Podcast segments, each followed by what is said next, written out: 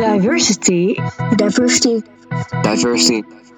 Diversity in Check. Een podcast over diversiteit in de samenleving. Opgenomen door de familie Artsen Jeetje. Bedoeld voor ouders, kinderen en andere geïnteresseerden. Om te kijken hoe we met elkaar in gesprek gaan over Over diversiteitsvraagstukken. In de samenleving. Welkom bij Diversity in Check. Welkom bij Diversity in Check, aflevering 8. En het onderwerp, onderwerp van vandaag is activisme. Activisme dus. De familie Arthur Semito checkt in. Check-in. Check-in. Check in. Vandaag gaan we in gesprek met Pravini Baburam. Zij is artiest en activist. eh, en de maker van de film The Uprising met het gelijknamige album waar zij de zangeres van is en de schrijfster van de teksten die te vinden is op Spotify en eh, de film is te vinden op YouTube. Dus als jullie daar nog een keer naar willen luisteren en kijken, dan kan dat zeker. Dus eh, we gaan even inbellen. We hebben ingebouwd met eh Pravini. Zij is de maker en de zangeres van The Uprising. Ja, heel goed. En we gaan nu over het onderwerp eh, Activisme. activisme. Dus eh, Ja. Heel goed, heel goed. En hebben we al eh, vast een eerste vraag? Of zullen we Pravini eerst zelf aan het woord laten? ja, laat ze dat eerst. Ja, goed. Pravini, kan jij misschien iets vertellen over jezelf en wat je doet? En dat we dan daarna het vanaf daar weer oppakken. Ja, helemaal goed. Nou, eh, hallo allemaal. Leuk eh, jullie zo te zien. En dank ook voor de uitnodiging om eh, met jullie het gesprek aan te gaan in Diversity in Check.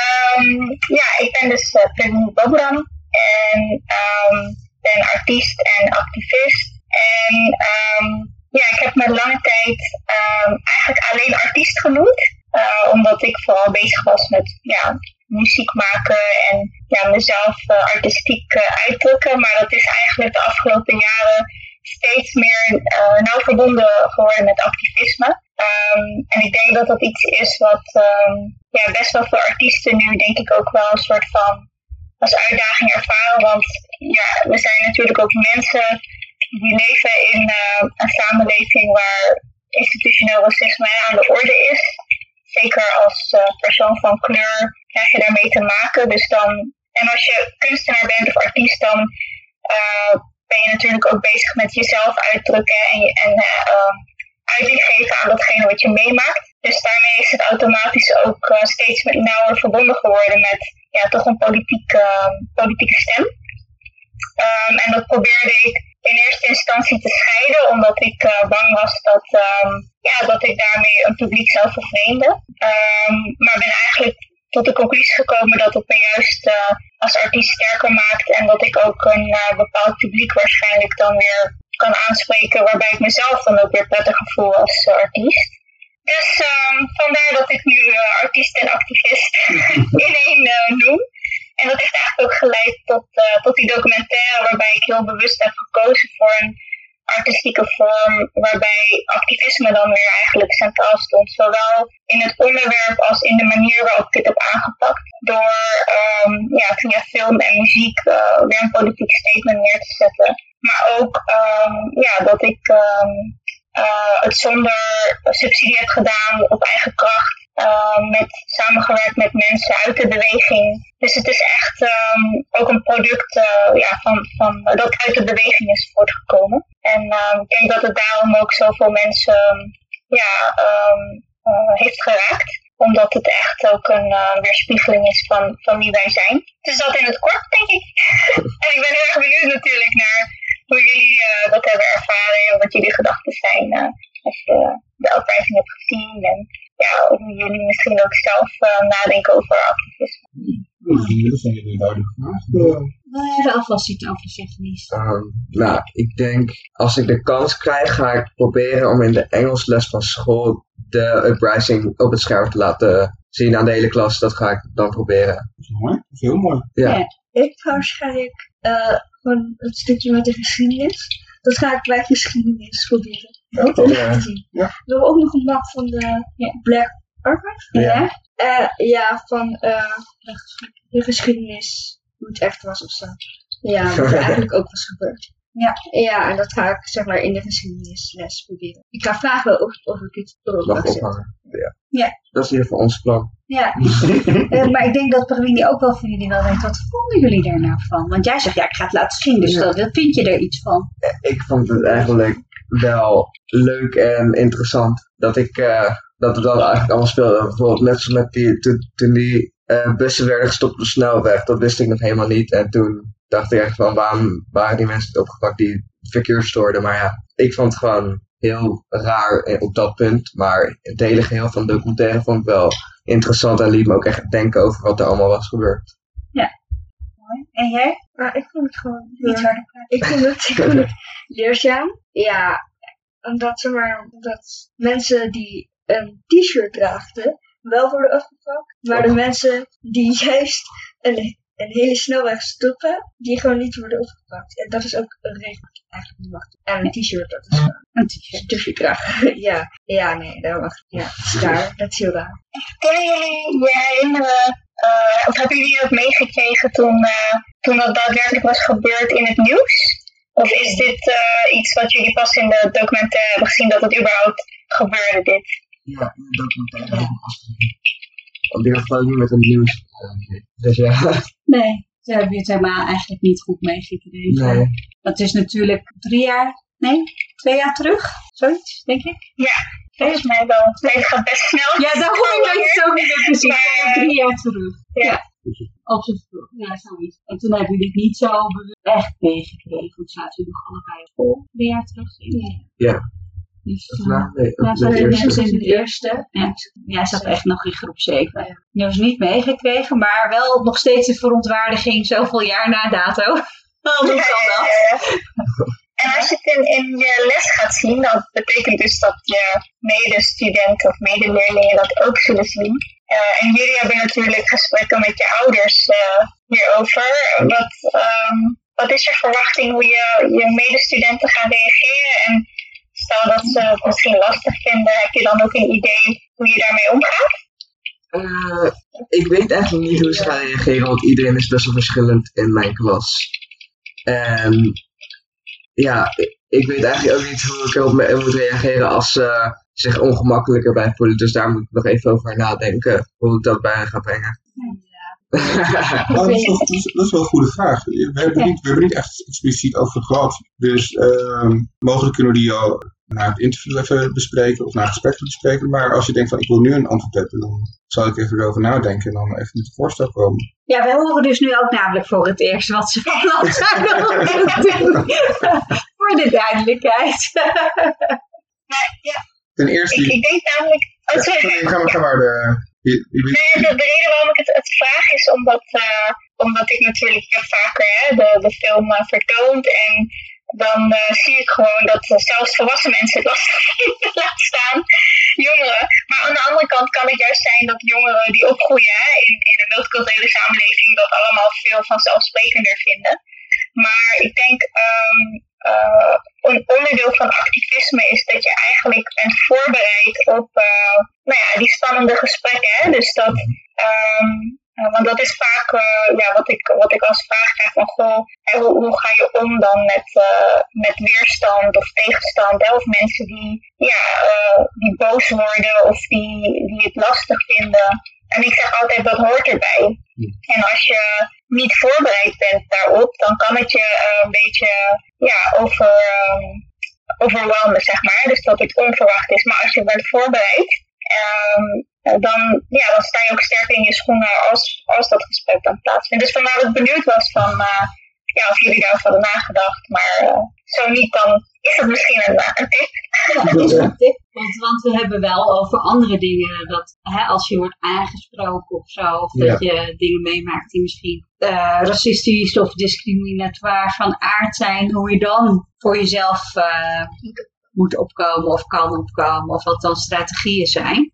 En ehm, in zo'n klasomgeving. Dan is het natuurlijk ook. En voor jezelf, maar zeker ook voor de docent een plek om een omgeving te creëren waar alle leerlingen zich eh, kunnen uitdrukken, maar ook waar alle leerlingen zich in ehm, veilig voelen, denk ik. Ja. En dat is dan wel voor ons, denk ik, als ouders, als zij dit gaan aandragen, iets om over in eh, gesprek te gaan met de school. Ja, ik vind het heel interessant. Ja, Eh, ook, ook gezien mijn eh, toekomstbeeld daarin, eh, dat ik in het onderwijs wil komen, wil ik natuurlijk ook die veilige situatie creëren waarbij alle- kinderen in mijn klas gewoon eerlijk en zonder op nagekeken worden hun mening kunnen uiten. Wat misschien zou het helpen, Nishan, als ik zou zeggen van goh, dat als iemand inderdaad zo weerstand biedt op, op hetgene wat je wilt tonen, ehm, dat je zou kunnen zeggen, goh, ik, ik zeg niet dat ik tegen jullie ben, ik zeg dat ik tegen het systeem ben. Het systeem dat de onderdrukking in stand houdt. Daar ben ik op tegen. En dat is hetgene wat je wil veranderen. Dat je dus eigenlijk hun in principe eh, Persoon. persoonlijk niet aanvalt, maar dat je dat ziet van, hé, oh, het gaat dus daarover. Het gaat niet om me- mij als, als, als witte persoon of eh, onderdrukker, dat, dat ik de onderdrukker ben, maar dat ik dus zie dat er een systeem bestaat die in mijn voordeel werkt en die jou, en die jou benadeelt in principe. Ja, dat is inderdaad ook iets wat ik altijd eh, probeer duidelijk te maken. Hè? Dat het niet per se gaat om eh, mensen ehm, die ja, problematische dingen zeggen, maar het systeem dat eigenlijk eh, die dingen niet, per se als problematisch ziet. En ik denk eigenlijk wat jullie er net aangaven van die bussen. En, en ehm, als je het gewoon heel feitelijk neerzet van goh, je hebt mensen die een t-shirt dragen.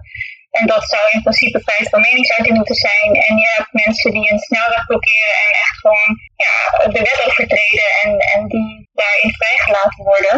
Dan gaat het gesprek daarover. Hè, van wat vind je daarvan? Vind je dat eerlijk of oneerlijk? En, en, eh, en, en het gesprek daarover in plaats van, oh je maakt mij uit voor racist of zo. Het gaat niet om, om jou of het gaat niet om je individuele ja, persoon, maar om wat er inderdaad gebeurt in de samenleving. Dus dat is ook de strategie die ik gebruik om om het terug te brengen naar de feiten en het vergelijken. En dan ja, eigenlijk een soort ehm, toch moreel kompas gebruiken. Hè? Van, vind, je, vind je dit eerlijk, vind je dit rechtvaardig? En dan ehm haal je het weg van de emotie. En dan ga je eigenlijk zien dat mensen toch een beetje moeten onderbouwen inhoudelijk. Van ja, wat vind je daar dan van? Ja, dat is een ander soort van. Eh, jij doet het niet goed of zo. En dat is veel persoonlijker. Als ik zeg, jij doet het niet goed. Of vind je dit goed of fout? Want mensen weten heel goed wel wat fout en wat goed, is. Ja, precies. En daar kunnen ze best wel over nadenken. En dan spreek je ze eigenlijk aan op hun eigen verantwoordelijkheid om die inschatting te kunnen maken. In plaats van dat je met de vinger wijst naar jij doet het verkeerd. Maar dat is eigenlijk, dat is ook een van de dingen, ik weet niet of jullie dat kunnen herinneren in de film, ehm, waarin eh, die, de vijf eh, leugens, eh, vijf technieken van kolonialisme worden uiteengezet. En eh, een van die technieken is om eh, het gesprek te verschuiven van ehm, waar of niet waar naar goed of fout. Hè? Dus eh, heb je vrijheid van meningsuiting? Ja, dat, dat is in, in een democratische rechtsstaat is dat zo. En dan het gevolg is dat mensen van alles mogen zeggen, inclusief racistische dingen. En dan kan je eigenlijk niet zo terugzeggen, want dan volgens die kaders dan moet je zeggen, ja, je hebt gelijk. Maar als je het hebt over, maar vind je het rechtvaardig? Vind je het eerlijk? Vind je, ehm, ook al zou dat mogen, waarom zou je dat willen? Ja, dat is een ander soort vraag dan, ehm, mag het volgens de wet? Het gaat niet om de wet, het gaat om, vind jij het rechtvaardig dat mensen op die manier worden behandeld? Weet je? En ik denk dat dat is een beetje de uitdaging, zeg maar, van, ehm, van ook activisme. Dat we, dat we onze eigen kaders gaan bepalen voor het gesprek en niet meegaan in de kaders die, die ons eigenlijk worden opgelegd.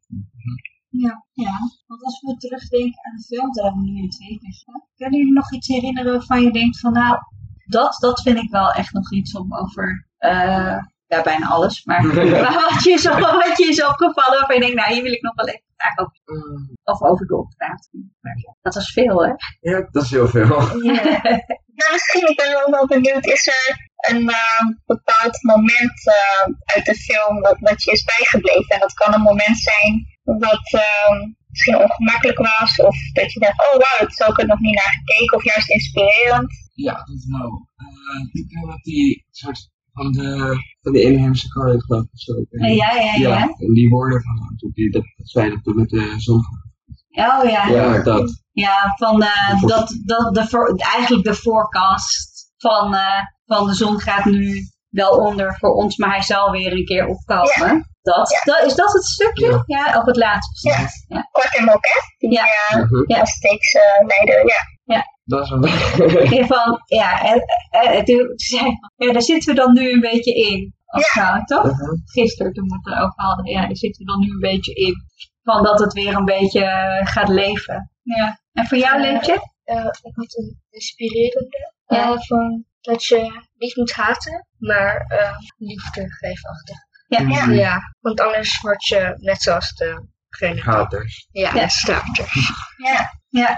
Die vind ik wel mooi. Ja, en dat vond je ook gelijk moeilijk, hè? Dat zei je gisteren tegen me. Van, hoe, hoe blijf je nou liefdevol eh, tegen degene die eigenlijk Ja, niet zo liefdevol naar jou toe is? Ja. Ja. Maar, ja. Misschien heeft Pravini daar wel ideeën over. hoe doe je dat nou? Nou ja, dat is inderdaad, ehm, denk ik, een van de grootste uitdagingen. En ik vind het trouwens heel mooi om te horen dat, dat jullie dat eruit halen. Want dat zijn ook voor mij een van de, of twee van de, de kernelementen eigenlijk die ik heel erg eh, meeneem eh, na het maken van, van de film. En ik denk dat ehm, eh, de grootste, tenminste de, de les die ik daarvan meeneem, hè, van dat je ook de, degene die jou haat eigenlijk moet lief hebben. Eén, het is toch een stukje spirituele kracht. Dus je gaat toch een beetje terug naar, ja, niet, niet je ratio, maar je hart, weet je wel. En, en hoe, je, hoe het niet alleen gaat over jou als, als individu, maar wat je bijvoorbeeld wilt voor je kinderen, voor de generaties na jou.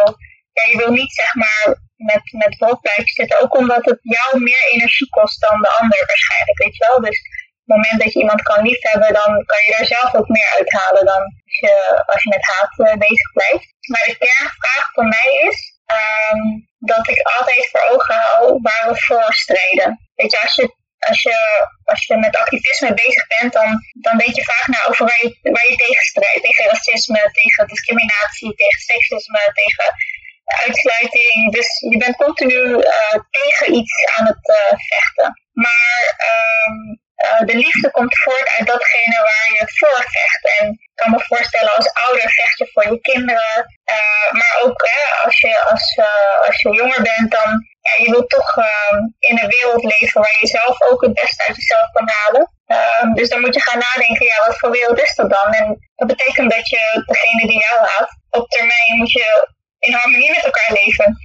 Dus uiteindelijk wil je toch toe naar een situatie waarin, je, waarin die haat, ehm, ja, weet je, ehm, ehm, waarin mensen kunnen leren, waarin ze kunnen groeien. Dus ook geloven dat mensen kunnen veranderen. Want ik denk dat dat een beetje toch achter het idee zit van dat je als je niet kan liefhebben, dat je denkt, nou ja, die personen zullen toch nooit veranderen. Dus wat heeft het voor zin om ze lief te hebben? Uh, maar ik denk dat juist als je gelooft dat iemand kan veranderen, uh, dat je dan ook de tijd en de moeite erin stopt om, iemand mee te nemen in dat proces. En dus vanuit liefde dan iemand meeneemt in plaats van te zeggen, nou geloof er toch niet in. En het is inderdaad wat Milene zegt van, ja, anders word je net als die andere persoon. En daar doe je het niet voor. Je doet het dat de persoon eigenlijk verandert uh, richting jouw, jouw visie ook.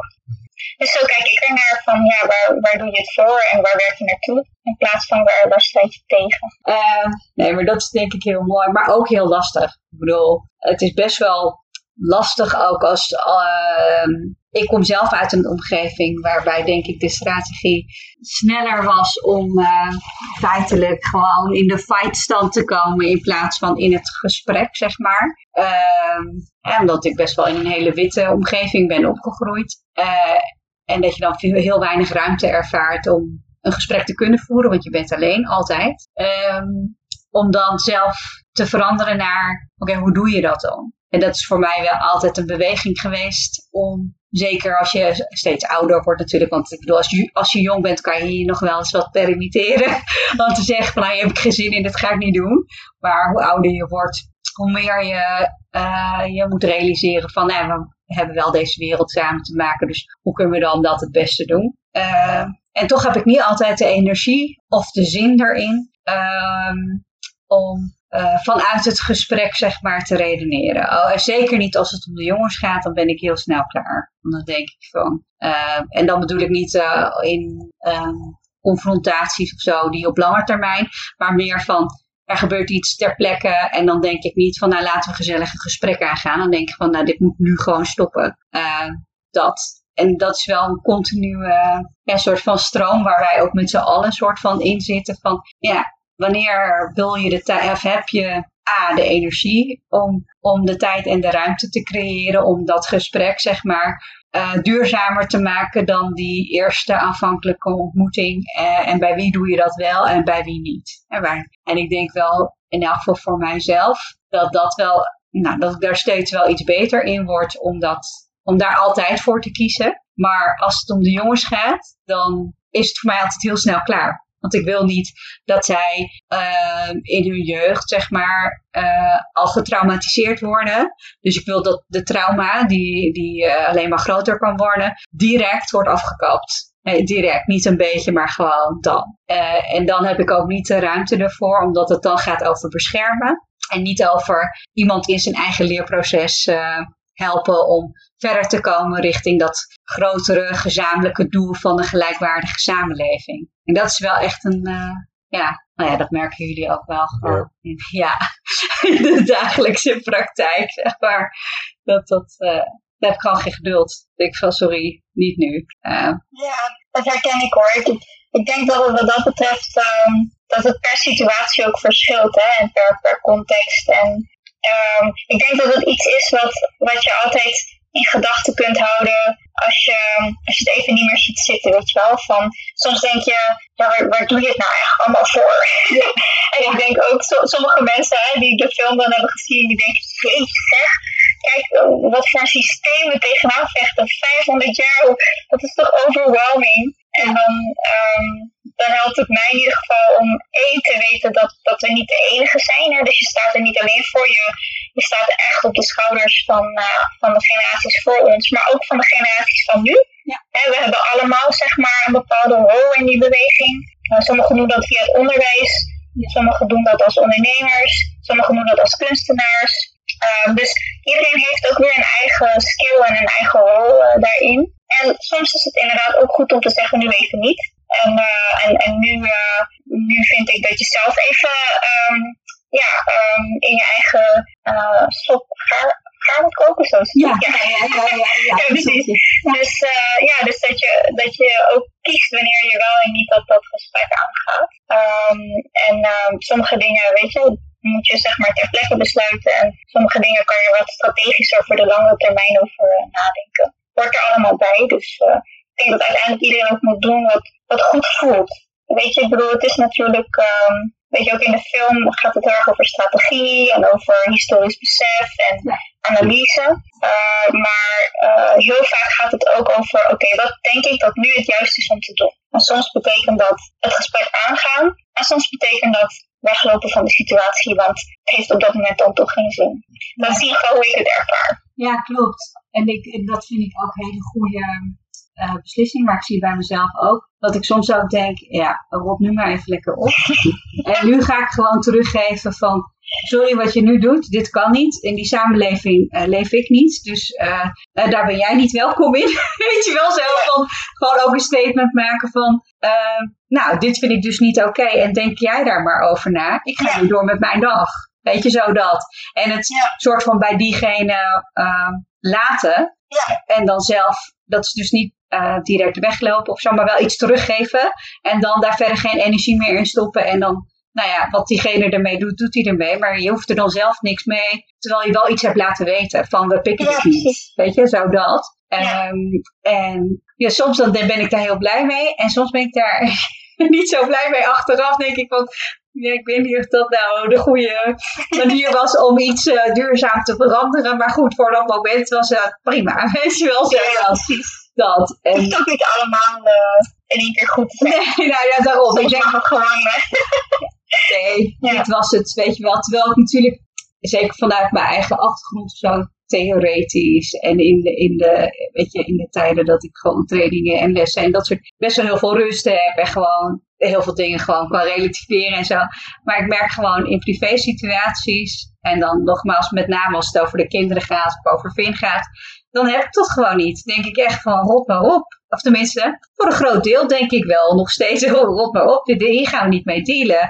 Of dat we strategieën hebben van, hè, eh, zeker in dat meer systemische, bijvoorbeeld als we worden aangehouden door de politie of zo, als we in de auto zitten. Ja, dat ik dan tegen Vin zeg, eh, blijf maar in de auto, ik ga er wel uit. Weet je wel, dat soort dingen. Ehm, omdat je weet dat het systeem niet werkt. En eigenlijk ben ik daar heel erg pissig over. Ja, nou, je? je, inderdaad, sorry. Je ziet het systeem eh, werken voor een bepaald persoon en dan ga je daar al in bewegen door de, de nadelen die je sowieso ziet, die je dan overkomt, om die zo min mogelijk eh, in, je, in je nadeel te Te laten werken, laten. En daarmee bevestig je het systeem. Ja, dus zij stapt uit. Ja, Ik kan ook uitstappen, maar ik weet dat ik wat impulsanter eh, kan voorkomen ten opzichte van een ander dan mijn vrouw. Want die is dan, een, die is dan eh, drie koppen kleiner. En, eh, en een vrouw. en een vrouw waarvan eh, ja, dat, die dreiging, bij wijze van spreken, is dan al een stuk kleiner. zodoende. En dus de, het risico om tot een conflict te komen wordt dan ook, ook Gereduceerd. gereduceerd. Wat heel raar is eigenlijk, want ja, ik kan net zo goed een gesprek aangaan en ook eh, over hetzelfde hebben in principe. Maar ja, Maar weet je, ik, ik zie dat altijd zo als toch een stukje common sense in die zin dat ja, je wil niet met je leven spelen. Weet je wel, je wil niet, je, weet gewoon dat als je, als je dat systeem uitdaagt, dat het systeem jou pakt. En daar, heeft nie, daar, is, is niemand bij gebaat, weet je. Dus je kan, je kan het zien als je bevestigt het systeem, maar dat systeem is er gewoon. Of je het nou wel of niet uitdaagt. en ik denk dat dat is de, de, de, de vraag van strategie van oké, kijk dat is dan een, een incident eh, wat je kan zien als strijd, maar je kan het ook gewoon zien als overleven. En dat je die strijd op een ander moment, met, met, met het steunen van campagnes of met protesten, weet je, in situaties waarin je, waarin je leven eh, of je veiligheid niet in het geding is, tenminste niet zo erg als in, in zo'n eh, situatie, dat je dan zeg maar die, eh, die uitdaging wel aangaat of die macht dan wel uitdaagt. En ik denk dat, ja zeker ben ik heel erg benieuwd hoe uh, Milene daar dan tegenaan kijken. Want ja, jullie zijn deze leeftijd natuurlijk al best wel van bewust. Ik denk veel bewuster dan ik op jullie leeftijd waarschijnlijk uh, was. Um, maar ja, je blijft natuurlijk wel, ja, je kan me voorstellen gewoon naar school gaan, met je vrienden chillen, uh, leuke dingen doen. Dus ik ben eigenlijk wel benieuwd hoe, hoe jullie daarmee omgaan. Hè? Dat je aan de ene kant ben je bewust van het systeem, maar aan de andere kant wil je toch ook uh, ja, je leven leiden en uh, de tieners zijn die jullie zijn. hoe, hoe kijken jullie daar tegenaan? Hoe voel je je daarbij? Ja, ja, nou ja, goed. Maar misschien kan je uh, het kaartje van uh, met de die zit in je telefoon in de, in de Ja. Ja, die één. Ja. Ja. Nou, wij, ik, ik uh, moet altijd zeggen, als ik me afspreek met vrienden, moet ik dan altijd zeggen, dan moet ik altijd, mijn moeder vraagt dan altijd wie, waar, hoe laat ben je thuis, hoe laat ga je weg, heb je genoeg gegeten? Ja.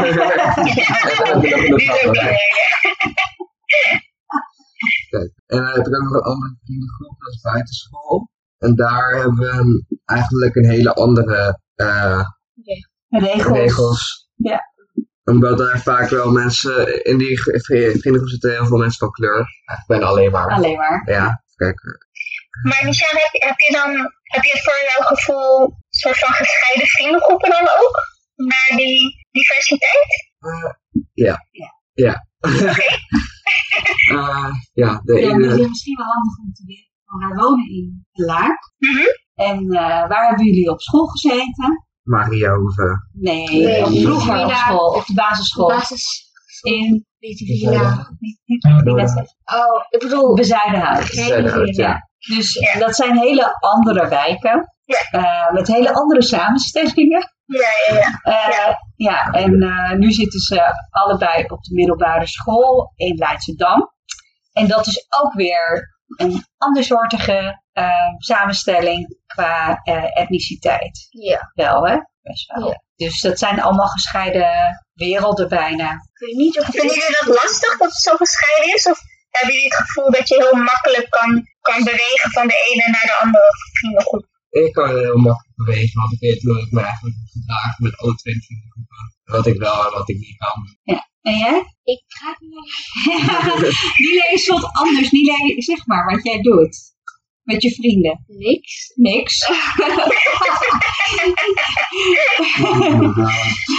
Nou, in de tweede vriend. nee. Met je vriendengroep van school doe je niet zo heel veel in je vrije tijd. Ja. Ik doe wel soms... Oké, is een jaar. Ja. Eh, ik doe een jaar... Ik deed een jaar geleden... Ging ik wel, ik, afspreken met mensen. Met Ja. Ja, maar niet zoals Nishaan buiten. Nee, Nisha, Nisha die spreekt altijd af. Ja. Ja, dus niet eens meer van thuis afspreken, binnen afspreken. Dus daar heb je niet zoveel te maken met ook eh, de buitenwereld en hoe de buitenwereld naar jou kijkt. Terwijl Ja. Nishaan, die, die is nu ook ietsje ouder natuurlijk, dus die gaat zelf ook de deur uit en die spreekt zelf af met vrienden. En dat is dan toch wel anders. En dan Ja. met de gekleurde vriendengroep hebben we andere afspraken ook met, hun, met de ouders van die vriendengroepen, zeg maar. En wat Ja. spreken we dan af? Ah, je bent met elkaar en blijft met elkaar. Je neemt met je telefoon op als je van jullie wordt, als je als een van jullie wordt aangesproken. Je blijft samen rustig en beleefd. Een van de anderen belt e- met een van de ouders. Je vraagt op basis waarvan je wordt aangesproken. Je mag eh, op aanvraag, op aanvraag je naam, je leeftijd geven en je ID laten zien. Alles wat daarna volgt is in overleg met je ouders. Die bel je dus ook direct. Eigenlijk. Ja, Dus, je ja. moet je voorstellen, dit zijn natuurlijk jongens, allemaal jongens van kleur, eh, die eh, er sneller ouder uitzien voor het oog van witte mensen eh, dan leeftijdsgenoten, dan witte leeftijdsgenoten. En met de ouders van kleur hebben wij dus afgesproken, dit zijn de regels en die krijgen de kinderen dus gedeeld in de groepsapp die zij hebben van ons om met elkaar in elk geval een strategie te hebben. En, dit, en het klinkt heel zwaar en het voelt ook heel zwaar, want het gaat alleen maar over we gaan gezellig de stad in. Ja. Zo, dat. En dat is echt wel, eh, ja. Ja, gaan we weer. Zo. En dat is, dat is wel echt een, eh, vind ik, vinden wij eigenlijk best wel een ding. Dat we daar dus over nadenken. Als ze de stad ingaan. Jongens, we nemen nog een keer de regels door. Begrijp goed wat je moet doen. Weet je wel. Neem mee. Ja. Als je wordt aangesproken door een BOA of door eh, politie. eh, wat doe je dan? En dat gaat niet over jullie gedrag. Maar dat gaat over hoe jullie gezien worden. Ja. Nou, dat. dus daar gelden andere regels voor dan als zij met eh, voornamelijk witte vrienden weg zijn. Want dan heb je de witte groep, zeg maar, die daar voorop zit. En nou ja, dat is dan ook een soort van shield, omdat je daar dan bij hoort. En eh, ja, terwijl Nishan, je hebt wel eens een keer tegen jouw witte vrienden wel Ja. iets daarover gezegd. ja, Zeg het? dat ik vaak word aangesproken naar jullie. Ja. En dat, ja, Je zei iets tegen, uh, het was een samengesteld, want er was, wie, wie- was nog een andere jongen bij. Je mag geen naam zeggen. Maar, maar, maar er was ook een ander, ander, ander klasgenoot je bij. En daar heb je iets tegen, tegen gezegd van, eh, waar- Je moet even rustig etten. En- ja, nee, ja. hoef geen namen te noemen trouwens. Nee, weet ik. Nou, Eh, oh ja, dat we, dat we wat rustiger moesten zijn in de stad. Ja. Eh, omdat we sneller worden, zeg maar, gezien. Omdat ik en nog een andere jongen van kleur waren. En dat we niet, zeg maar, rare dingen gaan doen. Ja. En toen zei die eh, witte jongen, zei ze van, dat vind ik een beetje raar. Want eigenlijk... Ik heb daar nog nooit over Ja. nagedacht. of zo. Ja, toch? Ik was er best verbaasd over, je gezegd ja. Ja. hij was zo verbaasd en hij kwam het ook thuis vertellen. En wij dachten, oh ja, oké, ja. ja. Helder, hij heeft daar nog nooit over nagedacht. Weet je wel zo. Ja, Dus, ehm, ja ik, ik herken dat wel hoor. Eh, ik heb op een, eh, ik heb eigenlijk ehm, mijn hele leven op, op witte scholen gezeten, van de basisschool tot de middelbare school tot de universiteit. En ehm, er, is één, er was één jongen in mijn klas op de middelbare school met wie ik vanaf de basisschool in de klas zat. Dus die kende mij eigenlijk al van jongs af aan, een witte jongen. En ehm, op de middelbare school besprak ik een keer met hem van ja, weet je, ik voel me eigenlijk niet thuis hier. Ik bedoel, ik ben de enige, een van de weinige personen van kleur. En hij had echt zoiets van, ah, ik ken je al mijn hele leven, waar heb je het over? Ik zie jou als, als mens, weet je? Dat. Toen zei ik ook tegen hem van, nou, moet je je voorstellen dat ik je meeneem naar Surinaams feestje. En je bent de enige witte persoon daar. En dat was echt zo van, nee, maar dat is anders. Weet je wel? En ehm, dat was voor mij een van de eerste gesprekken dat ik me realiseerde, wauw, ja, je, je, kan het ook niet begrijpen, want voor jou is het een momentopname, terwijl het voor ons natuurlijk ja, onze dagelijkse realiteit is. Het is heel lastig om, om mensen daar bewust van te maken. Dus eh, ja, ik herken dat heel erg. Ja, uh, wij herkennen ons wel. En wat jij net zei, van zij denken er nu al anders over. En dat een beetje terugkomend op de uprising. Dat betekent dat, we generaties, dat er generaties komen die er beter over hebben nagedacht. Ja. En veel vroeger al over hebben nagedacht. Dus ook eerder kunnen ingrijpen op het moment. Ja. Of duiden als er misstanden zeg maar, op dat gebied plaatsvinden. Dan dat wij dat uh, in onze jeugd uh, vonden. En ook het overbrengen daarvan. En, en daar zit natuurlijk ook wel een verschil in van ben je, zou je dan in staat zijn om dat gesprek met je ouders te kunnen voeren. Op het moment dat de ouders eigenlijk daar ook geen woorden aan kunnen geven. En voor mij was dat echt zo. Hè? Want mijn, mijn ouders zijn allebei, nou die zijn inmiddels al overleden, maar goed, die, die zijn allebei, nou mijn moeder had een, een, deel van de basisschool gedaan, mijn vader had, was hij de maand op school geweest. En die sprak ook geen Nederlands. En die, ja, wat voor gesprek ga je dan precies voeren, al had je het kunnen duiden in die tijd, zeg maar. Ehm, en jij komt uit een, in een oudergezin met je moeder die wel hoog opgeleid is, maar nou ja, ja, maar je staat ook in de positie van uh, een ongunstige positie om zich te, om, om zich te uiten tegen onrecht. Dus ja. zij is natuurlijk aan het opwerken in, in waar, ze, waar, ze, waar ze natuurlijk aan het werken is. En daar wil ze dus niet te veel, je dat, golven maken. Dus, making ja, waves. Creating waves, Creating dat wil je niet. Nee. Dus als ik uh, uh, volgde de regels en ze deed wat ze moest doen om ons uh, op te voeden. En, en, en dat was het eigenlijk. meer wilde ze gewoon. maar meer kon ook meer niet. kon ook niet inderdaad. Ja. Nee. Terwijl voor jullie is het alweer heel anders. Daar hebben we deze podcast. En, ja. Ja, jullie hebben al deze podcast. Nou ja, we, we, zorgen ervoor dat jullie de geschiedenis kennen. Dat is namelijk een stukje heel belangrijk stuk dat, dat, waar, heel, waar gewoon heel veel informatie te, te halen valt. Ook toen uh, met in de documentaire met betrekking tot uh, hoe de onderdrukking eigenlijk tot stand is gekomen. Dat was iets wat, wat mij eigenlijk, uh, waar, ik bij, waar ik bij stil stond, is namelijk toen de, de filosofen aan de woord kwamen, Hegel, Kant, Kant ja. Uh, en met hun uitspraken kwamen. Uh, dit was volgens mij ergens tussen rond, rond 1830, 1850 volgens mij. Uh, waarbij, ze, waarbij eigenlijk Europa op dat moment al ruim 400 jaar de rest van de wereld heeft gekoloniseerd en onderdrukt. Om dan te zeggen... En rijkdom heeft en rijkdom afgenomen. Cultuur heeft afgebroken. Heeft afgebroken. Ja. Identiteit heeft, heeft, heeft, Af- ja, zeggen, Ja. heeft stopgezet. Om dan te zeggen over deze mensen, ja, moet je kijken. Wij staan bovenaan. Zij hebben Niks. ah, niks op cultureel, muzikaal uh, of, of, of uh, kunstzinnig gebied hebben ze iets kunnen produceren. Dus zij, wij zijn van nature beter. verheven. Maar als je denkt van, als je iemand 400 jaar onderdrukt en dan zegt van, goh, je kan echt niks doen hè, je kan echt helemaal niks doen hè, wat, wat heb je laten zien? Dan denk ik echt van, ja, uh, gast, laat me ook even opstaan, dan kan ik wat laten zien, weet je. Ja. En dat, dat, dat stuk geschiedenis is, is, is wat mensen dus niet begrijpen. Dat ze denken dat wij, uh, ja, laten we zeggen, dat onze voorvaders gewoon uh, dachten dat, dat ze niks konden. Ja. Ja, maar dat komt gewoon omdat die onderdrukking gewoon plaats heeft gevonden. Als je een beetje logisch nadenkt, ja, dan willen we ook een beetje uh, zorgen dat wij uh, die kant op gaan natuurlijk. Ja, dat je in je eigen ontwikkeling verder kan komen. Ja, Als land, als groep, als, uh, nou noem maar op. Terwijl als daar een hele laag van oppressie overheen zit, nou, dat maakt niet uit wat je bereikt, dan is dat al fantastisch. Weet je wel, ik denk van als je, als je nog steeds iets kan bereiken, ondanks het systeem of de verschillende systemen die die onderdrukking, zeg maar, in stand houden. Ja. En als je dan daarin kan bewegen, dan, uh, dan is dat al fantastisch, eigenlijk. Dus, dus die vorige dus inderdaad know your history. Uh, dus iets dat we inderdaad de jongens willen meegeven van, goh, kijk, uh, vanuit deze gedachte is, is, het, is het zo ontstaan. En uh, probeer, uh, probeer daarin zoveel mogelijk kennis tot je te werven. Om als, als ja, zeg, kennis maakt nog wat je zegt, knowledge is power. Ja. Om, om in ieder geval te zorgen dat wat er ook gebeurt, dat je altijd kan terug redeneren van, goh, ik ben niet zomaar hier gekomen. Weet je? Ja, daar hebben we het gisteren ook nog wel over gehad. Hè?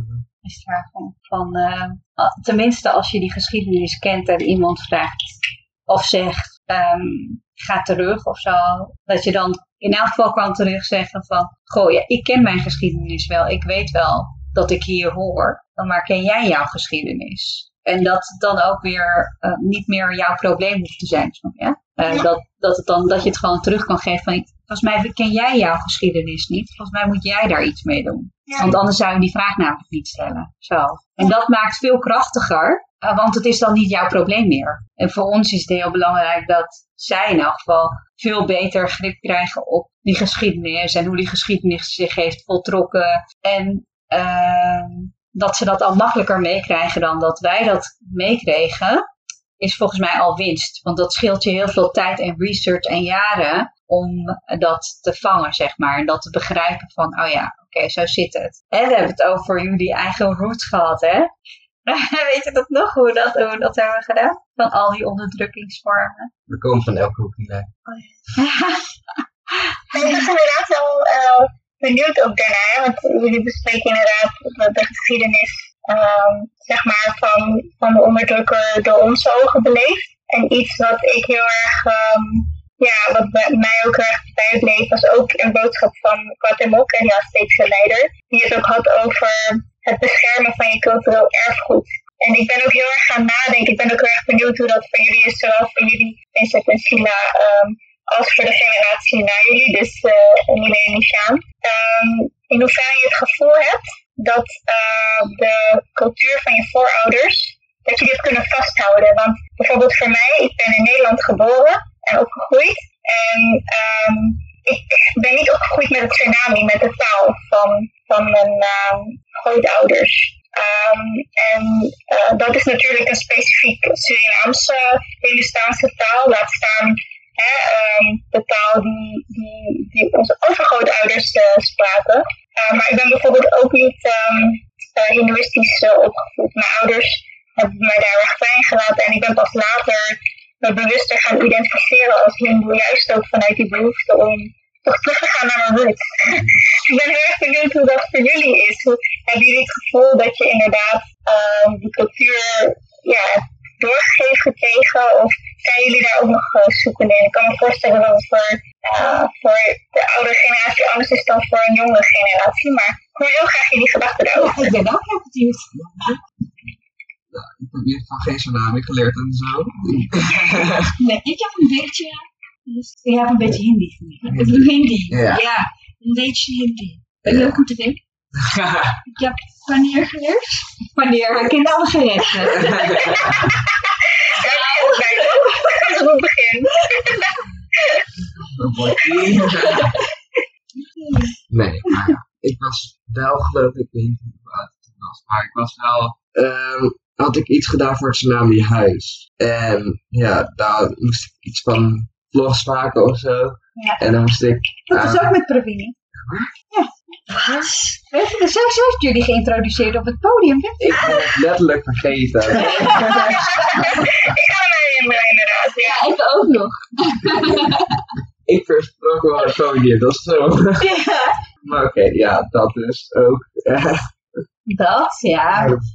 dat is klopt. Dat, was wel een leuke geschiedenis. Soort mini-geschiedenis. Gewoon over het allemaal eigenlijk.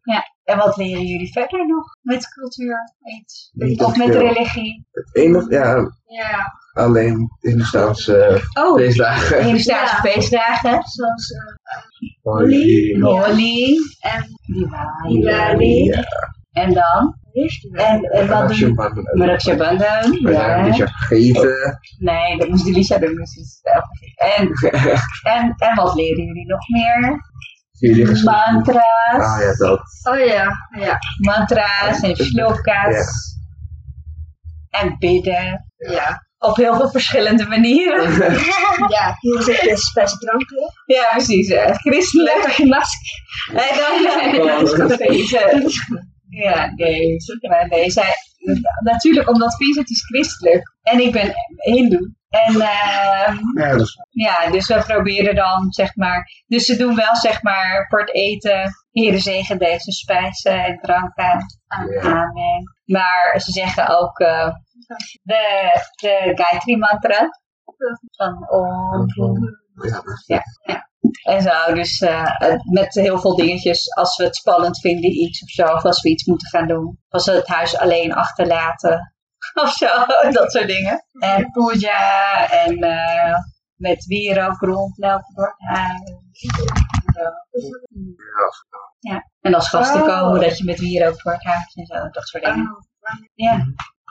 Maar ja, dat is allemaal. Ik, ik ben trouwens wel mantra's aan het, eh, aan het zeggen zodra ik met mijn Tulsi-plant bezig ben. Ja. Dus ik probeer een hele grote Tulsi-boom te kweken en het gaat goed. Ja. Maar elke keer als ik bijvoorbeeld moet gaan snoeien, dan moet ik eerst een gebedje zeggen. En, En dat na- doet hij niet christelijke na- dat- gebedjes. Dat is niet christelijk, dat klopt. En nadat, ik- nadat ik dus dat, dat, dat nou, klaar ben met snoeien, dan bedank ik weer de boom voor dankjewel, et cetera. En dan pak ik de, mijn, mijn, mijn, snoe, mijn gesnoeide takjes of wat dan ook dergelijke, of die ga ik weer opnieuw planten, of die eh ontblaad ik, en zal ik dan, die bewaar ik dan voor de, eh, voor een ceremonie. Nice. En hoe is dat? Want ja, jullie hebben in dat opzicht dus ook zeg maar twee culturen die dan weer eh, bijeenkomen en die je doorgeeft aan je kinderen. Hoe was dat? Voor jullie was dat een natuurlijk proces of hebben jullie daar ook onderling met elkaar moeten afstemmen? Nou, ik, was, ik ben pas laat begonnen in, om het christelijk geloof weer te gaan eh beleiden. Ja.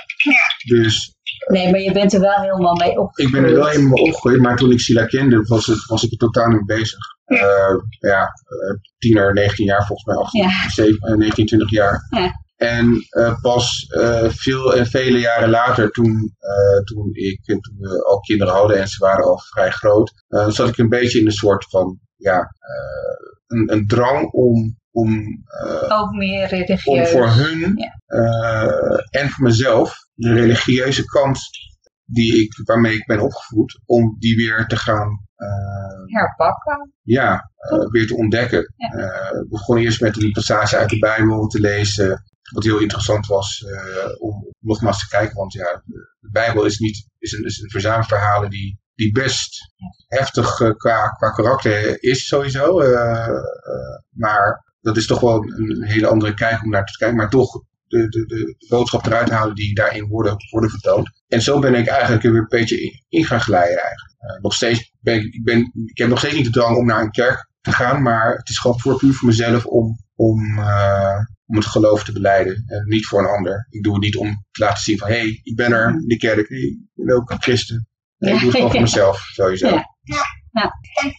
Ik ben heel, heel benieuwd, ehm, even een korte link met de film, omdat in de film natuurlijk ook de link wordt gelegd met hoe het christendom een rol heeft gespeeld in het koloniaal project. Hoe kijk je daar dan tegenaan als, als christen? Ik lees nu een boek.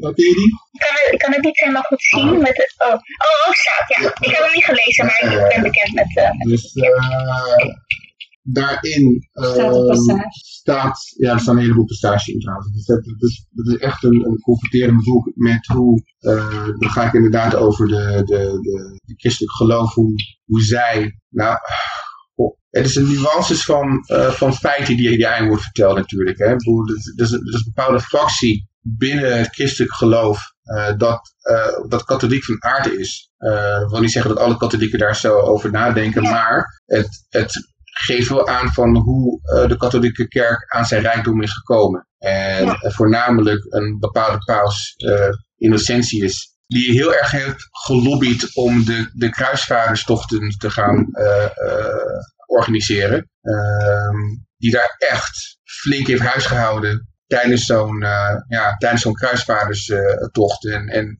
de beloftes die daarin uit worden, worden, worden eh, Gedaan, maar ook de overtuiging. de overtuiging die daar is meegenomen dat we hebben het over een, een, een, een, het Roelandslied waarin wordt verteld over de overwinning van de christenen over de moslims. Maar het Roelandslied is toen de tijd was, bestond 100, was 100 jaar in de relatie en dergelijke. Maar het was gewoon een liedje dat, dat is, is, is, eh, is ontstaan. 100 jaar, maar dat nog steeds wordt, wordt gezien als, als propagandaapparaat in die tijd, 100 jaar later, om nieuw, een nieuwe kruistocht te gaan, eh, te gaan eh, organiseren. En dan zie je gewoon hoe genietig een, een systeem kan, kan eh, worden gebruikt, een geloofsovertuiging kan worden gebruikt om mensen aan te sporen om de meest gruwelijke daden Onder de wimpel van het geloof. te gaan Ja. plegen. En niet alleen tegen, laat me zeggen, alleen tegen de toen, toen, de toen- toenmalige moslim eh, die daar, eh, die daar waren, maar eerst tegen afvallige christenen of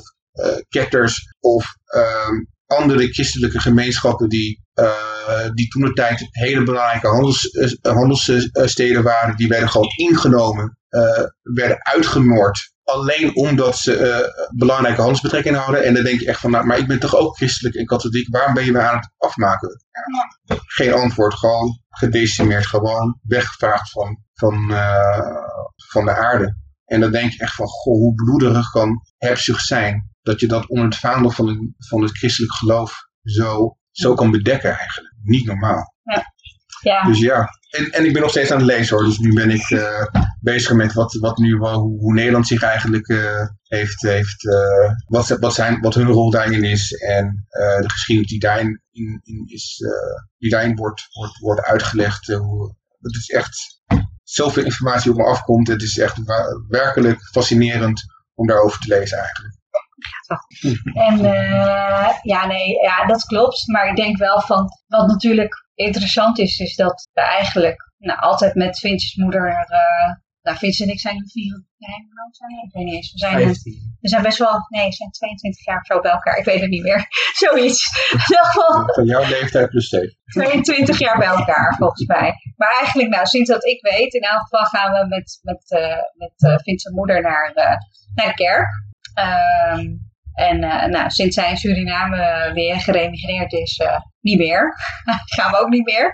Eh, dat is natuurlijk ook wel een dingetje. En natuurlijk de, de Javaanse kant van, van de familie. eh, die zijn grotendeels wel islamitisch grootgebracht, maar niet meer praktiserend. Dus er zijn wel een paar elementen, zeg maar, die er nog wel worden gevierd. Of nog wel een soort van, weet je, je wenst elkaar wel, weet je, Eid Mubarak en zo, en dat soort dingen. Maar, eh, maar heel erg praktiserend niet meer. Ik Hmm. denk het enige wat ik nog weet is dat we vanuit de islamitische familiekant, zeg maar, eh, eh, naar eh besnijdenisfeest waren Ja. geweest van een neefje. En dat we met, toen zijn opa en oma nog leefden in Suriname, dat we met hun nog wel het wel ook over religie hebben gehad. En wat dat betekent. En nou ja, goed. O- Of eh, wat ik heel grappig vond, is toen de kinderen geboren, nou, toen Nishaan geboren werd. Jouw moeder. En eh, dat Vincent ineens zei, nou misschien moeten we hem wel laten besnijden. En ik dacht, hè? ik dacht, hè? Nee? Wat- Waarom? Weet je wel zo? Oh ja, dat zei ik En, inderdaad. en, dat, eh, en ineens kwam dus die Javaanse islamitische kant ineens eh, oppoppen, zeg maar, voor mij oppoppen. Want ik was, nou, daar had ik nog nooit wat over gehoord, zeg maar. Eh, dat hij dat, dat zou willen of zo. En ineens was Nies, was Nies er en toen zei ja, misschien moeten we het toch laten besnijden. En ik dacht, hè? Eh, hè? Wat? en dat, je, kan toch ook Jood zijn? Als... nee, maar dat, maar dat kwam omdat we hem wel, we zouden wel een moeren doen. Eh, en, ehm, nou, en toen kwam hij van, nou, misschien moeten we hem dan ook nog laten besnijden. En ik dacht, hè, eh, weet je wel, dat hij nog iets christelijks zou willen, dat had ik dan nog wel voorzien, zeg maar. Van, misschien kunnen we daar nog iets mee doen of zo. Want wij op zich zijn we dan niet zo heel strak in de religie dat we één ding alleen maar kunnen volgen en dat dat dan de waarheid is of zo. Het is meer van dat we het wel belangrijk vinden om die religieuze kant eh, en die vooral spirituele kant wat meer kunnen opzoeken en met elkaar als filosofische lessen, zeg maar, kunnen gebruiken en inzetten voor ons dagelijkse praktijk. Wat echt iets anders is dan dat je gewoon strak in de leer en volgens de letter en weet ik veel wat. Maar toen hij daarbij kwam, toen zat ik ook wel even van, oh, nou, dat, dat vind ik niet zo'n goed idee eigenlijk. Weet. Dat ging voor, omdat ik het gewoon helemaal out of the blue voor mij ineens, volgens mij ook realiseerde van, ah, chips, ja, natuurlijk. Hij, hij, hij is natuurlijk ook wel van de Javaanse kant. Dus die is misschien niet zo prominent aanwezig. Maar in de zin van, eh, hij is natuurlijk met zijn moeder opgegroeid. Dus we zien de, ja, Creoolse kant van de familie, denk ik wel net iets meer dan de Javaanse kant van de familie. Want zijn vader woont in Suriname. Dus ja, goed, dan zie je elkaar dus wel iets eh, minder. Dus je ziet die kant ook veel minder. Maar toen hij daarmee kwam, toen was het wel ineens heel evident. Oh ja, dat is er ook. Weet je wel? Ja. En we hebben uiteindelijk wel van afgezien hoor.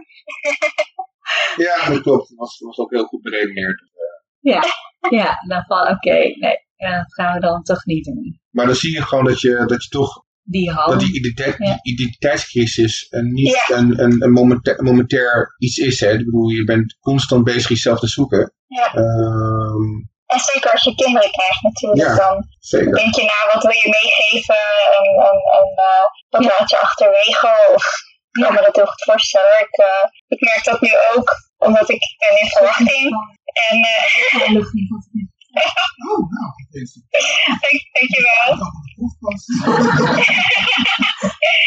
en, ehm, en toen heb ik ook heel erg nagedacht van, ehm, ja, wat wil ik eigenlijk dan eh, meegeven? En, en ook spiritueel gezien, hè, want je, je, je komt in een traject zeg maar, van westerse verloskunde. Maar ja, hoe wordt er dan vanuit ehm, de, de culturele en spirituele benadering gekeken naar een voorbereiding op een kind en op geboorte? Ehm, dus dat is een, ook een spiritueel eh, ja, eh, reis in dat opzicht. Dus ik herken heel erg dat je dan in één keer vragen gaat stellen. Bijvoorbeeld, hè, ik eet geen vlees, eh, maar mijn partner wel. Gaan we vegetarisch eh, opvoeden of niet? Weet je, dat, eh, ja, terwijl, je, ehm, terwijl ik niet vegetarisch ben opgegroeid, hè, want het is voor mij zeg maar pas recentelijk een eh, keuze. Dus ja, dat zijn allerlei vraagstukken die inderdaad met identiteit eh, te maken hebben. En ook, ja, wat, wat wil je aan de volgende generatie doorgeven? Ja, dat is wel grappig. dat je. Want dat heb ik Gezondheid.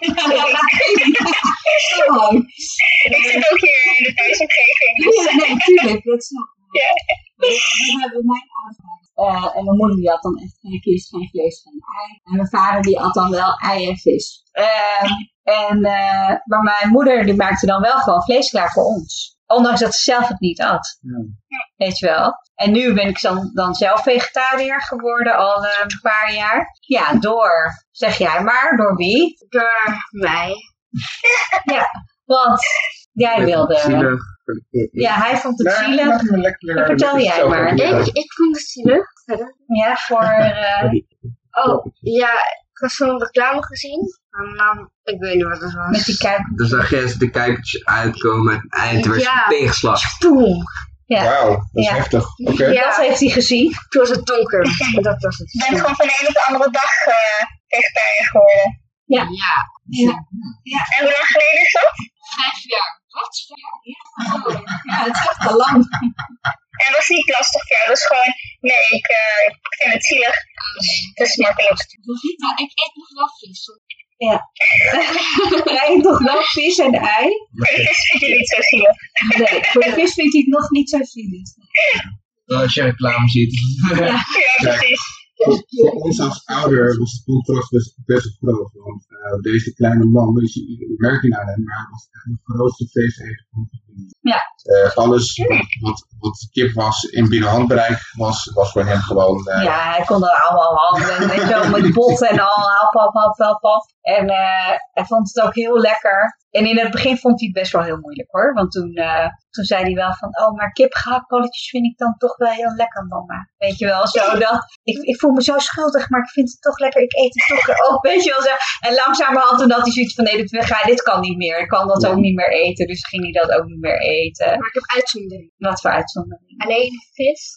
Alleen Ja. vis en ei. Ja. Dat dan wel. Vooral kibbeling. En sushi. Kippeling en sushi, ja, het is ook eh, een luxe kind. Ik zie dat het even een terugkerend thema bij je is. Ja. Ja, echt. Dat zou je niet zeggen als je hem ziet, maar het is wel een thema van wat vind ik allemaal lekker om te eten en dat wil ik dan Ja. Maar dat was dus niet echt een religieus perspectief. Terwijl voor mij dat wel steeds meer Ja. een religieus perspectief heeft. En dat ik ook wel denk van ik, vind het, ik voel me er echt beter bij Ja. om dat niet, niet. eh, niet te doen. Terwijl voor, eet wel gewoon vlees en Vincent eet ook gewoon Maar vlees. buitenhuis. Maar buitenshuis, ja. oh ja, oké. Hebben we nog iets uh, over praten? Ja, wil je nog iets zeggen over de film? Want we, want we, we, we wijden een beetje zo door het hele geheel. Nee. Wat heb jij nog? Hoe was het reizen? Oh ja, hij vroeg zich af, want hij, hij zei gelijk van, ben je dan naar al die mensen toe geweest? En- Maar ik weet dat dat eh, deels klopt, maar dat het deels ook goed uitkwam. Maar misschien kan je dat zelf vertellen. Ik, ik ben ehm, binnen Europa gebleven, dus ik, ben, ik heb mensen geïnterviewd uit Amerika, uit Engeland, uit Frankrijk en Nederland. Nou, Nederland is natuurlijk makkelijk. En ehm, ik ben naar, eh, twee keer naar Parijs geweest met de auto. Dat was eh, allemaal eh, goed te doen. En ik ben naar Engeland geweest voor het interview met eh, Islamic Human Rights Commission en ook de opnames van Al Quds eh, Day. En ik ben naar eh, Granada geweest, naar Spanje. Omdat dat natuurlijk voor het historisch verhaal een hele belangrijke plek eh, is. En de mensen uit Amerika, die waren toen daar. Dus die, die heb ik daar grotendeels geïnterviewd. En één iemand, die was ook toevallig, of tenminste toevallig, die was in Amsterdam. En had ik zodanig gepland dat ik hem dan in Amsterdam kon interviewen. Dus ik ben niet naar Amerika geweest. Was ook eh, financieel eh, niet te doen eh, voor een eigen, eigen productie met een eigen, weet het, de eigen investering. Maar ja, in dat opzicht. En het interessante is misschien wel ook leuk om te vertellen. Er was eigenlijk iemand, eh, degene die ik in uh, Houria Boutelja, die dus in Parijs woont. Die zou ik eigenlijk interviewen in, eh, in Granada. En ehm, ik had toen ehm, mijn ticket eh, al geboekt en zo. En toen bleek achteraf dat ze toch niet eh, daar zou zijn.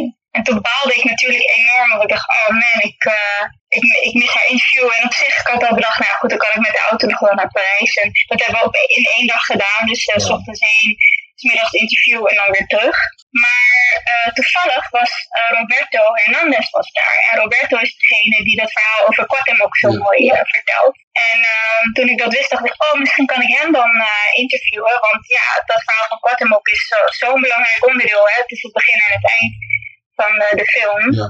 Dus ergens had ik ook het gevoel dat het zo had moeten zijn. Ja. Dat ik Roberto daar zou interviewen, want hij woont in San Diego. Dus hem zou ik, zou ik niet kunnen interviewen ehm, als hij niet daar was eh, geweest. Dus ja, dat zijn van die dingen dat ik denk, soms eh, lopen dingen zoals ze moeten lopen. Maar dan moet je je er ook aan overlaten. Ja, precies. of overgeven, ja. Helemaal goed. Super, dat werkt nou heel, eh, heel Ja. goed. Ja, doe maar. Hoe lang duurde het, eh, het maken van die hele documentaire? Vraag. Ja. Want ik hoorde Ja. in één dag dat je... Ja. Ja. Ik schatten 200 uur. 200 uur. 200 Oh, uur, wel zegt hij. Ik eh, weet niet hoeveel het in, in uren is uit mijn hoofd. Maar ik, heb de, ehm, ik ben begonnen met eh, de filmopnames in mei 2018. Ja.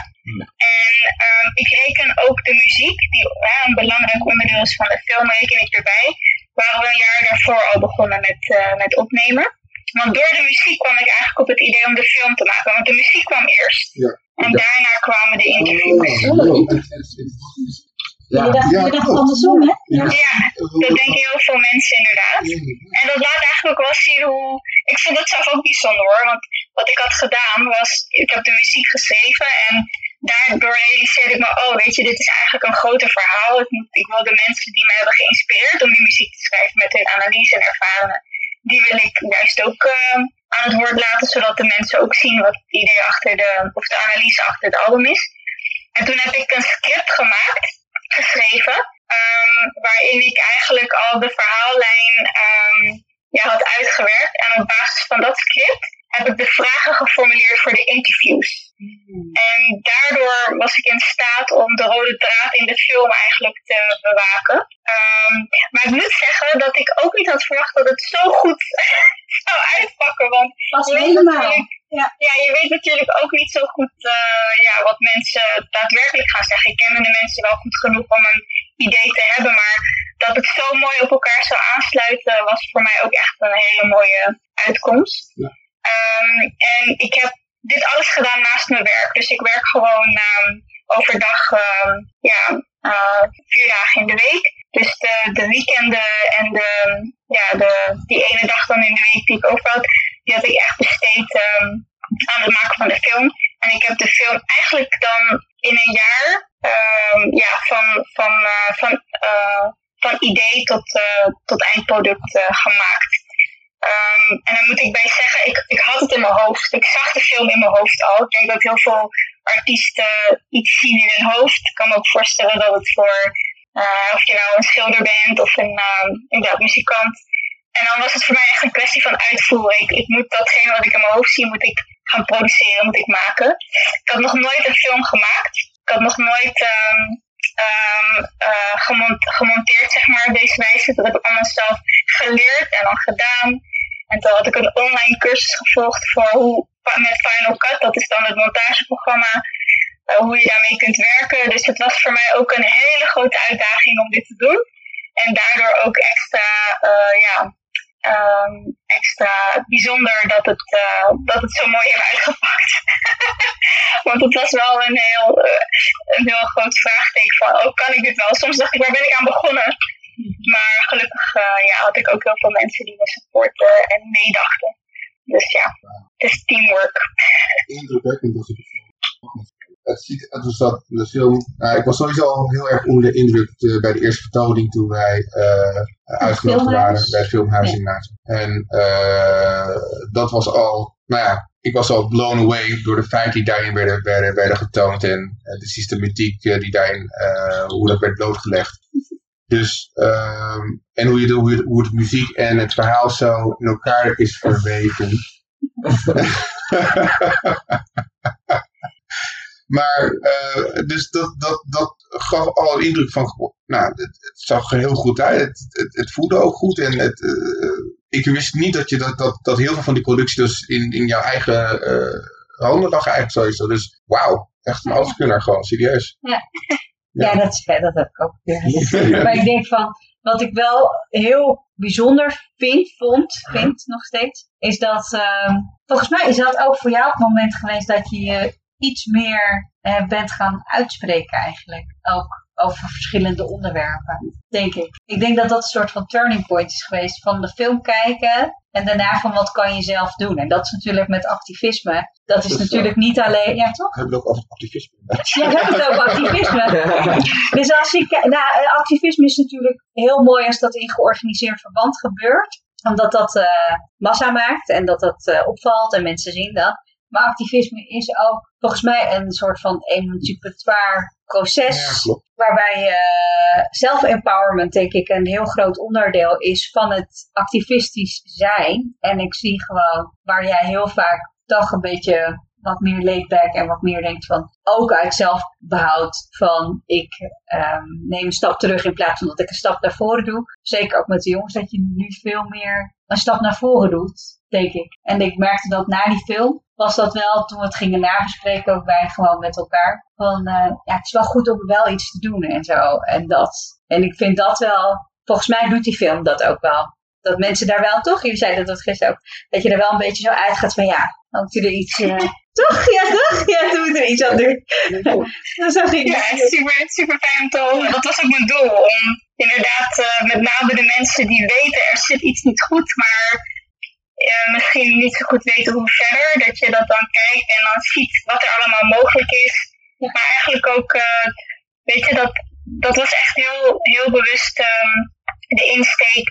Dat je ondanks eh, het overweldigende, overweldigende systeem en ja, ook toch wel een beetje de depressie waar je in terecht kan raken als je ziet hoe dat dus 500 jaar lang is gevormd. Dat je dan toch de film afsluit met het gevoel, ja, we kunnen er tegenaan. En weet je, je, je, je staat ook niet alleen. Dus ik heb weer heel fijn om te horen dat dat dan bij jullie ook zo eh, is eh, gebeurd. Ja, ik merkte dat wel ook. En ook toen hij die film voor het eerst zag in het filmhuis. En eigenlijk sindsdien heeft hij nu weer voor het eerst weer met de kinderen gekeken. En ik ook weer sinds die tijd.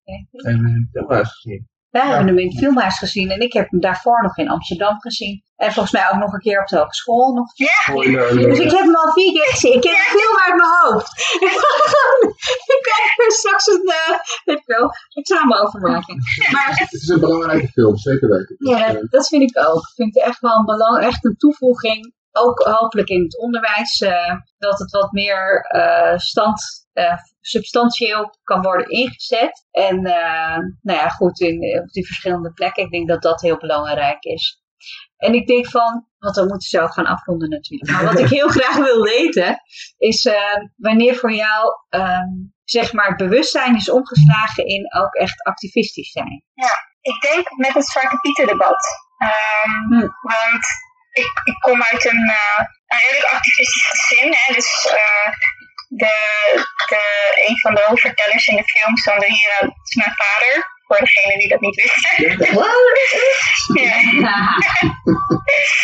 En, ehm, dus ik, en mijn moeder was actief in de vrouwenbeweging. Ehm, ik ben opgegroeid met tekenwaren aan de muur in de studeerkamer. Hè, dus ik, ik heb Ja. altijd in een om- omgeving thuis gezeten. Eigenlijk zoals eh, jullie kinderen. Eh, waarin, ja, waarin het wel een, een gesprek was. eh, eh, niet, niet zozeer zo bewust als jullie nu doen in, deze vorm. Maar het is, het is een politiek bewust gezin eh, waarin ik ben opgegroeid. Maar zoals gezegd, ik was vooral bezig met kunst, hè, met muziek.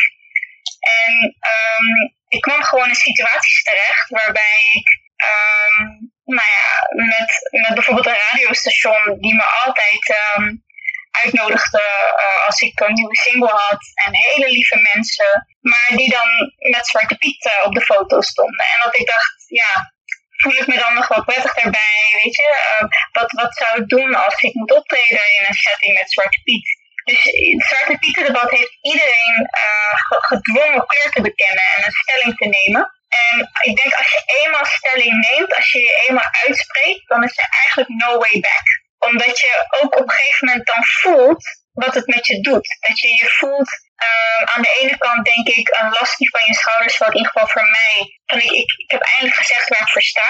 Het is een stukje bevrijding, hè? eh, mental liberation van toch die angst die, die is opgelegd vanuit colonization. Eh, maar het is ook een stukje empowerment van hé, hey, dit, dit wil ik vaker doen. Ik vind het belangrijk om, om, ehm, om te staan ehm, voor mijn, eh, mijn standpunten.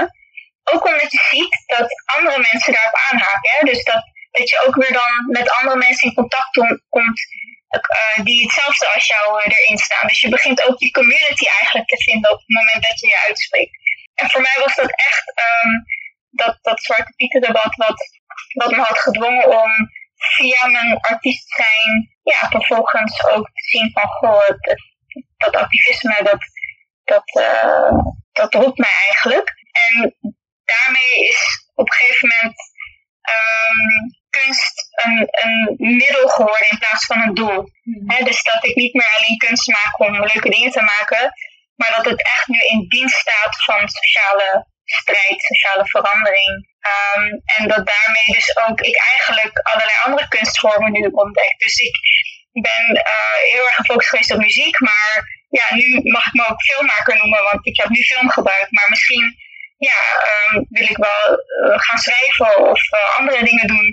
Dus daarmee is de deur ook geopend om jezelf eigenlijk weer ehm, ja, te verrijken, afhankelijk van nogmaals wat bij je past. En, Dus in dat opzicht, eh, ja, is het, ehm, is het alleen maar, heeft alleen maar deuren geopend. Mooi. Ja. ja. Zijn er nog eh, andere vragen dan, eh, dan, want dan zijn we zijn bij de final, final, final thoughts. Ja. Ah, ik heb Samen. een vraag. Ja. Geen? Ook niet? Nee, ook niet. Heb jij nog, eh, heb jij, heb jij de smaak te pakken nu? Om nog meer Om film. nog meer films te maken? Ehm, Nee. ik weet het niet. Zoals ik zei, het was allemaal nieuw. En daarmee misschien ook een gevoel van, oh my god, heel erg uitdagend. Ja. Maar ik moet wel zeggen, ik vond het wel heel leuk om, ehm, om zo'n verhaal eh, te construeren. En dat je, eh, ik heb heel erg genoten van het proces. Van ehm, eh, zelf leren, zeg maar, door die interviews. Hè. Dus ik, met, ik heb kijk, die interviews eh, die zijn natuurlijk tot, tot, tot stukjes van minuutjes zijn in de film. ehm, die dan natuurlijk één geheel vormen. Maar ik heb met iedereen ja, ongeveer een uur, anderhalf uur gezeten. Dus er is zoveel wat ik in die gesprekken ook heb geleerd. Ehm, en ook om te zien hoe, ehm, ja, hoe je via, via beeld en, eh, en storytelling ja, educatie kunt bewerkstelligen. Dus die boodschap. ehm, en voor mij ging het met name om dat educatieve aspect. Het ging me niet eens om storytelling. Het ging me echt om hoe kan ik mensen ja, dat perspectief meege- meegeven op de geschiedenis. waarvan ze eh, denken, waarom wist ik dit niet? Weet je, waarom eh, heb ik dit nooit op deze manier gezien? Dus voor mij staat, staat dat bewustzijn en die educatie daarin centraal. Ehm, en daar vind ik film een heel mooi medium voor. Eh, sommige mensen hebben ook gevraagd van, goh, zie je een vervolg eh, op de uprising? Maar voor mij was, was het echt gewoon een, een, eh, een verhaal dat af is, in ieder geval in deze vorm. Eh, dus ik zou ook niet weten van, goh, waar zou de volgende film dan over eh, moeten gaan? Nogmaals, omdat het voor mij echt een middel is geweest voor ja, dat doel van, van sociale rechtvaardigheid. Dus dat is voor mij leidend. En dan ja, afhankelijk van, van, van nieuwe ideeën zal ik, zal ik dat volgen. Ik ben wat dat betreft altijd erg open. Probeer echt te luisteren naar ja, ook een beetje mijn inner voice van goh, wat is de next step? Eh, dus ik sluit het niet uit, maar het is niet per se dat ik, dat ik nu de filmindustrie in wil of zo. Helder. Helder. Nou, mooi. Ja, super. We hebben onwijs veel materiaal nu weer met jou. dus we gaan onwijs lopen knippen en doen en zo. Eh, want ik denk dat het echt wel een mooie... Dit, voor ons is natuurlijk dit een leerproces.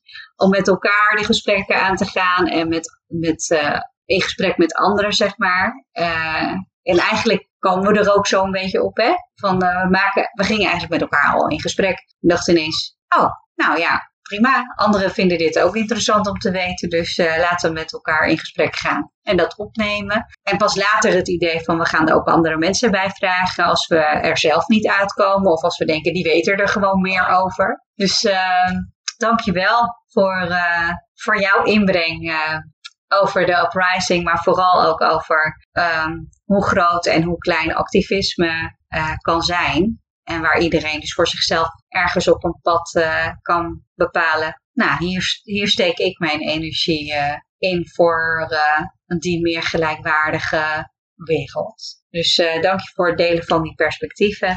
En persoonlijke verhalen delen, dat is ook altijd heel belangrijk, denk ik. want dat maakt het herkenbaar. Niet alleen voor ons, maar ook vooral voor anderen ook. Dus dank je wel. Jullie ook ontzettend bedankt voor de uitnodiging. En ja, dat jullie dit gesprek ook zo aangaan. Ja. Dus uh, ja, de, de tijd vloog voorbij. Ja, dus ja. maar op. Ik denk ik zo'n half uur later. Ja. ja. Dus bedankt ook. Ja, leuk. Dankjewel. En ook voor de toegankelijkheid. Ja, dus fijn weekend. En uh, ja, nou, je merkt het al. Succes met de montage. Dank je. Ja, ja, je weet het. Het is veel werk altijd. Ja. Maar goed, we gaan, er, we gaan er weer aan. Dankjewel. Yes. Fijn weekend. Fijn weekend. Doei, doei. doei. Zo, jongens, we hebben net gesproken met Pravini. En uh, wat vonden jullie van het gesprek? Ik vond het vloeiend lopen. Ik, uh, ze kwam goed dingen uitleggen. Ik uh, begreep goed wat ze eigenlijk allemaal had, te vertellen tegen ons. En ik vond het knap dat ze die film had opgenomen op haar eigen, zeg maar, zonder hulp van de okay. overheid en zo, instanties. En dat ze het op haar eigen zakje heeft gedaan. Ook nog tijdens dat ze moest werken. Ja. In haar vrije tijd gewoon die film met elkaar heeft gezet. En daar tussenin nog een cursus van hoe je dat allemaal moet monteren. Ja, Wat vind jij ervan?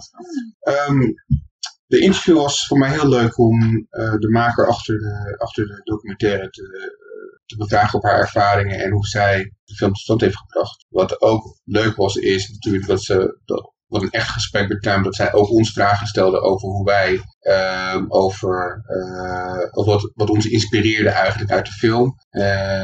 Wat ons tot nadenken doet doen zetten en, en ons echt werkelijk de interesse tonen in hoe wij de film hebben, hebben ervaren eigenlijk. Dat vond ik wel heel gaaf om, om, om mee te maken. En zelf ook geïnspireerd te voelen door de documentaire zelf, om dat, om dat ook aan haar uh, te laten meedelen. Dat was uh, iets wat ik echt, echt wilde gaan doen sowieso. Ook dat ik heel erg onder de indruk ben van hoe zij, beperkte middelen die ze, had, de film tot stand te brengen. Dat vond ik echt heel indrukwekkend.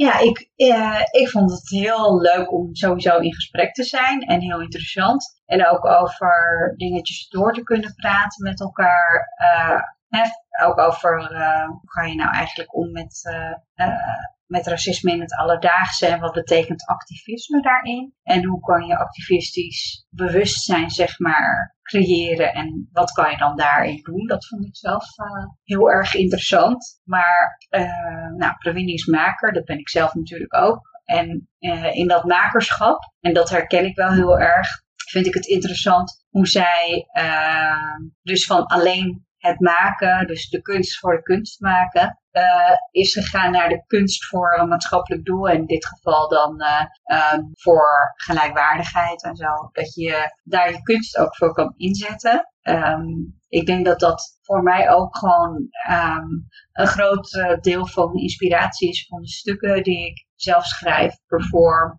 naar voren breng. Om ofwel aan de ene kant, eh, zeg maar, die geschiedeniskant te laten zien van hier komen we vandaan. Maar ook aan de andere kant van eh, laten zien, eh, dit kan zo niet en dit moet beter kunnen of zo. En ik denk van, dit moet veranderen en hier moeten we wat in doen. Dus ik vind het heel fijn ook om te horen wat zo'n, hoe zo'n proces zich zeg maar voltrekt. Hè?